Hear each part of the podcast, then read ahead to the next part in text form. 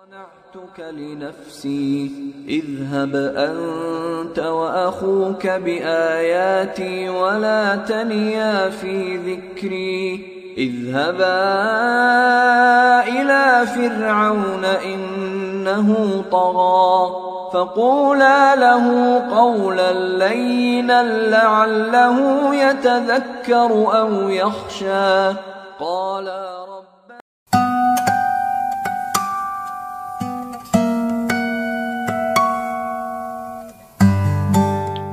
Assalamualaikum warahmatullahi wabarakatuh.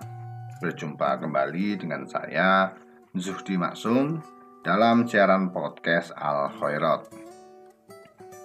Untuk mengawali siaran ini Saya akan menceritakan sedikit latar belakang pembuatan podcast Al Khairat.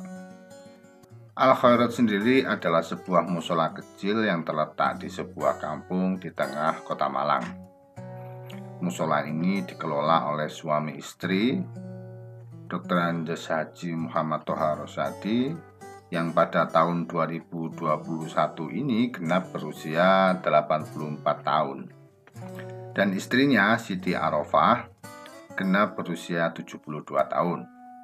Pada usia ini mungkin beliau menjadi bagian dari sedikit masyarakat yang tidak mampu lagi mengikuti perkembangan teknologi dan informasi.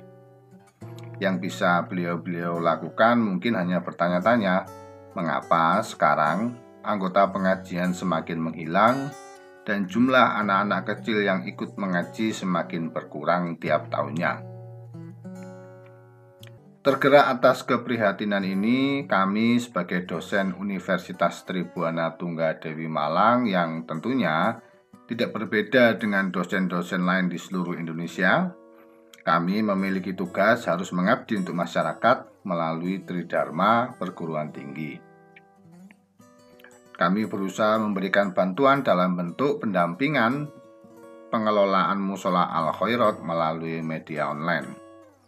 Kami juga memberikan penjelasan kepada Bapak Toa Rosadi dan istrinya bahwa meskipun secara fisik kita tidak lagi dapat melihat masyarakat berbondong-bondong mendatangi sebuah pengajian, akan tetapi apa yang kita lakukan melalui media online dapat menjangkau pendengar yang jauh lebih luas, melewati batas-batas wilayah, bahkan batas-batas sebuah negara.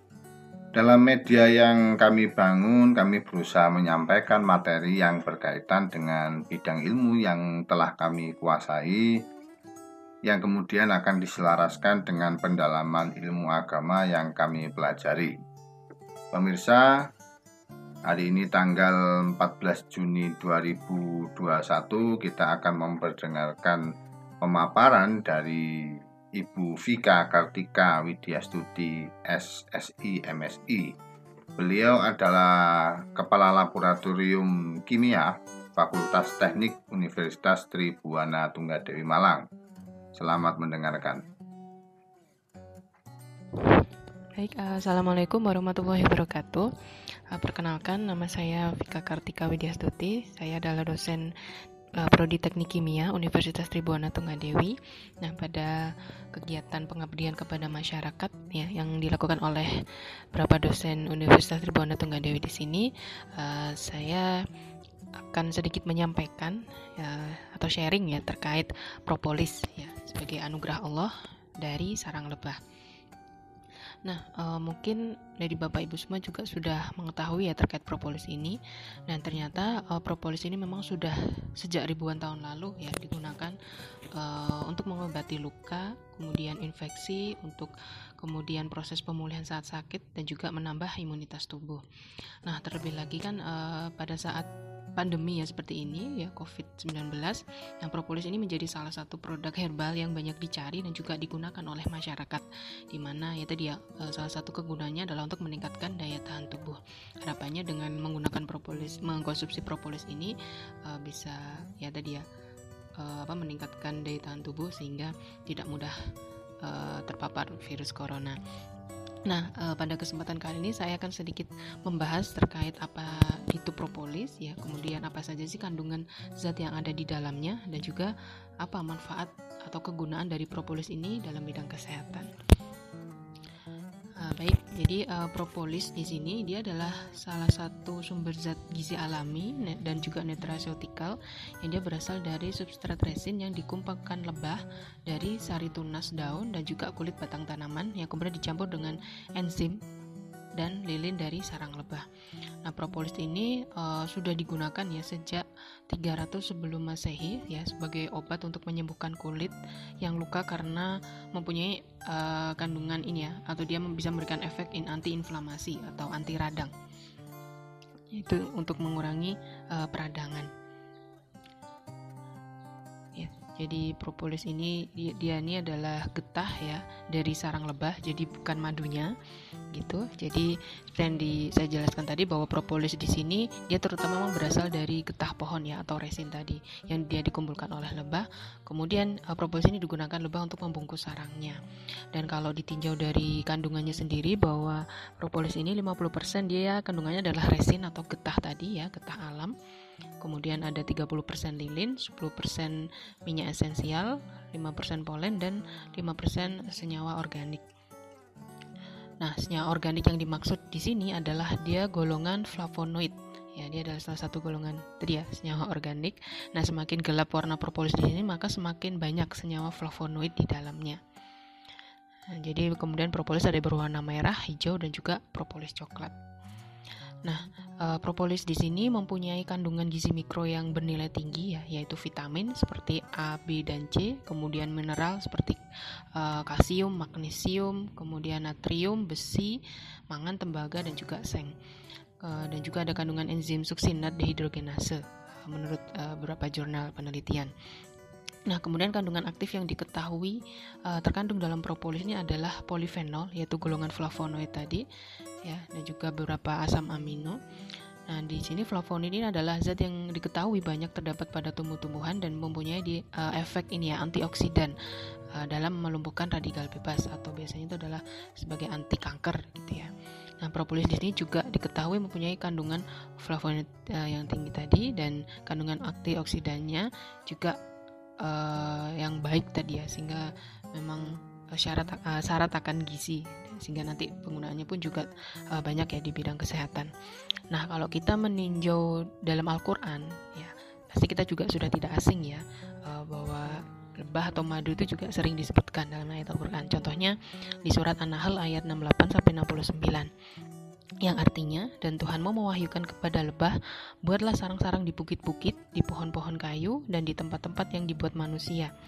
Kemudian makanlah dari tiap-tiap macam buah-buahan dan juga tempuhlah jalan Tuhanmu yang telah dimudahkan bagimu. Dari perut lebah itu keluar minuman madu yang bermacam-macam warnanya. Di dalamnya terdapat obat yang menyembuhkan bagi manusia. Sesungguhnya pada yang demikian itu benar-benar terdapat tanda kebesaran Tuhan bagi orang-orang yang memikirkan. Nah, kemudian kalau meninjau dari ini ya, tafsir dayat ayat ini, menurut Ibnu Katsir, uh, yang dimaksud dengan wahyu dalam ayat ini, ini adalah ilham, petunjuk dan juga bimbingan ya dari Allah kepada lebah supaya ini lebah ini membuat sarangnya di bukit-bukit, juga di pohon-pohon serta di tempat-tempat yang dibuat manusia. Nah, kemudian berkat adanya ilham dari Allah ini lebah membangun rumah atau sarangnya dengan sangat rapi, struktur dan juga susunannya sehingga tidak ada celah padanya.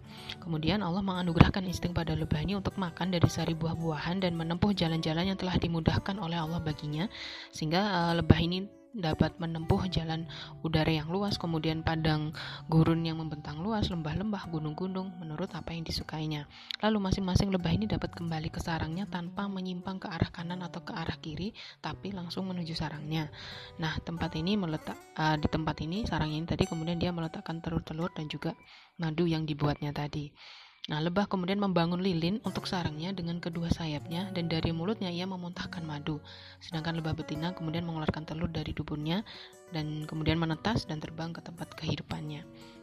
Nah, di sini uh, di ayat tadi juga disebutkan bahwa uh, ini ya uh, apa di ayat 69 tadi An-Nahl ayat 69 ya di dalamnya terdapat obat yang menyembuhkan bagi manusia. Jadi memang sudah bukan uh, rahasia lagi ya uh, atau sudah diketahui secara umum bahwa secara luas bahwa ya madu ini memang banyak sekali manfaatnya. Pun termasuk kemudian sekarang ya banyak kebetulan propolis tadi yang merupakan getah di sarang lebah tadi yang juga ternyata uh, juga ada obat ya uh, yang kemudian bisa menyembuhkan.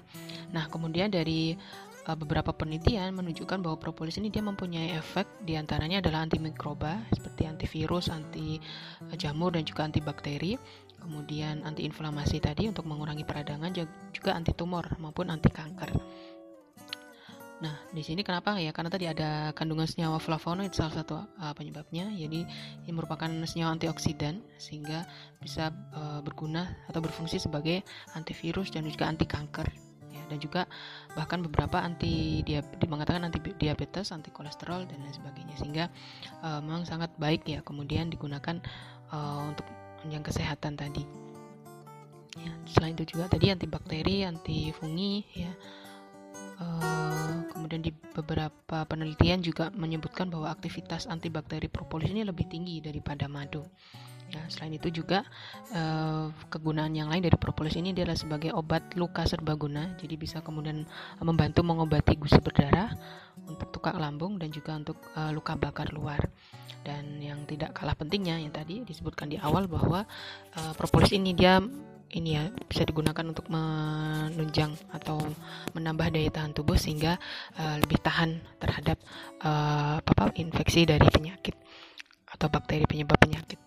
Ya, mungkin uh, itu yang bisa saya sampaikan sedikit terkait propolis ini. Semoga dari yang sedikit ini bisa bermanfaat untuk kita semua. Uh, kurang lebihnya mohon maaf. Saya akhiri. Assalamualaikum warahmatullahi wabarakatuh.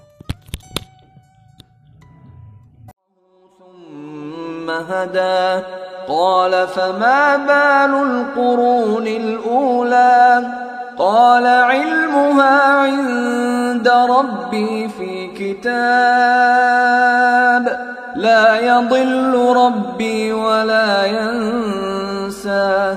الذي جعل لكم الأرض مهدا وسلك لكم فيها سبلا وأنزل وأنزل من السماء ماء فأخرجنا به أزواجا من نبات شتى. كلوا وارعوا أنعامكم إن في ذلك لآيات لأولي النهي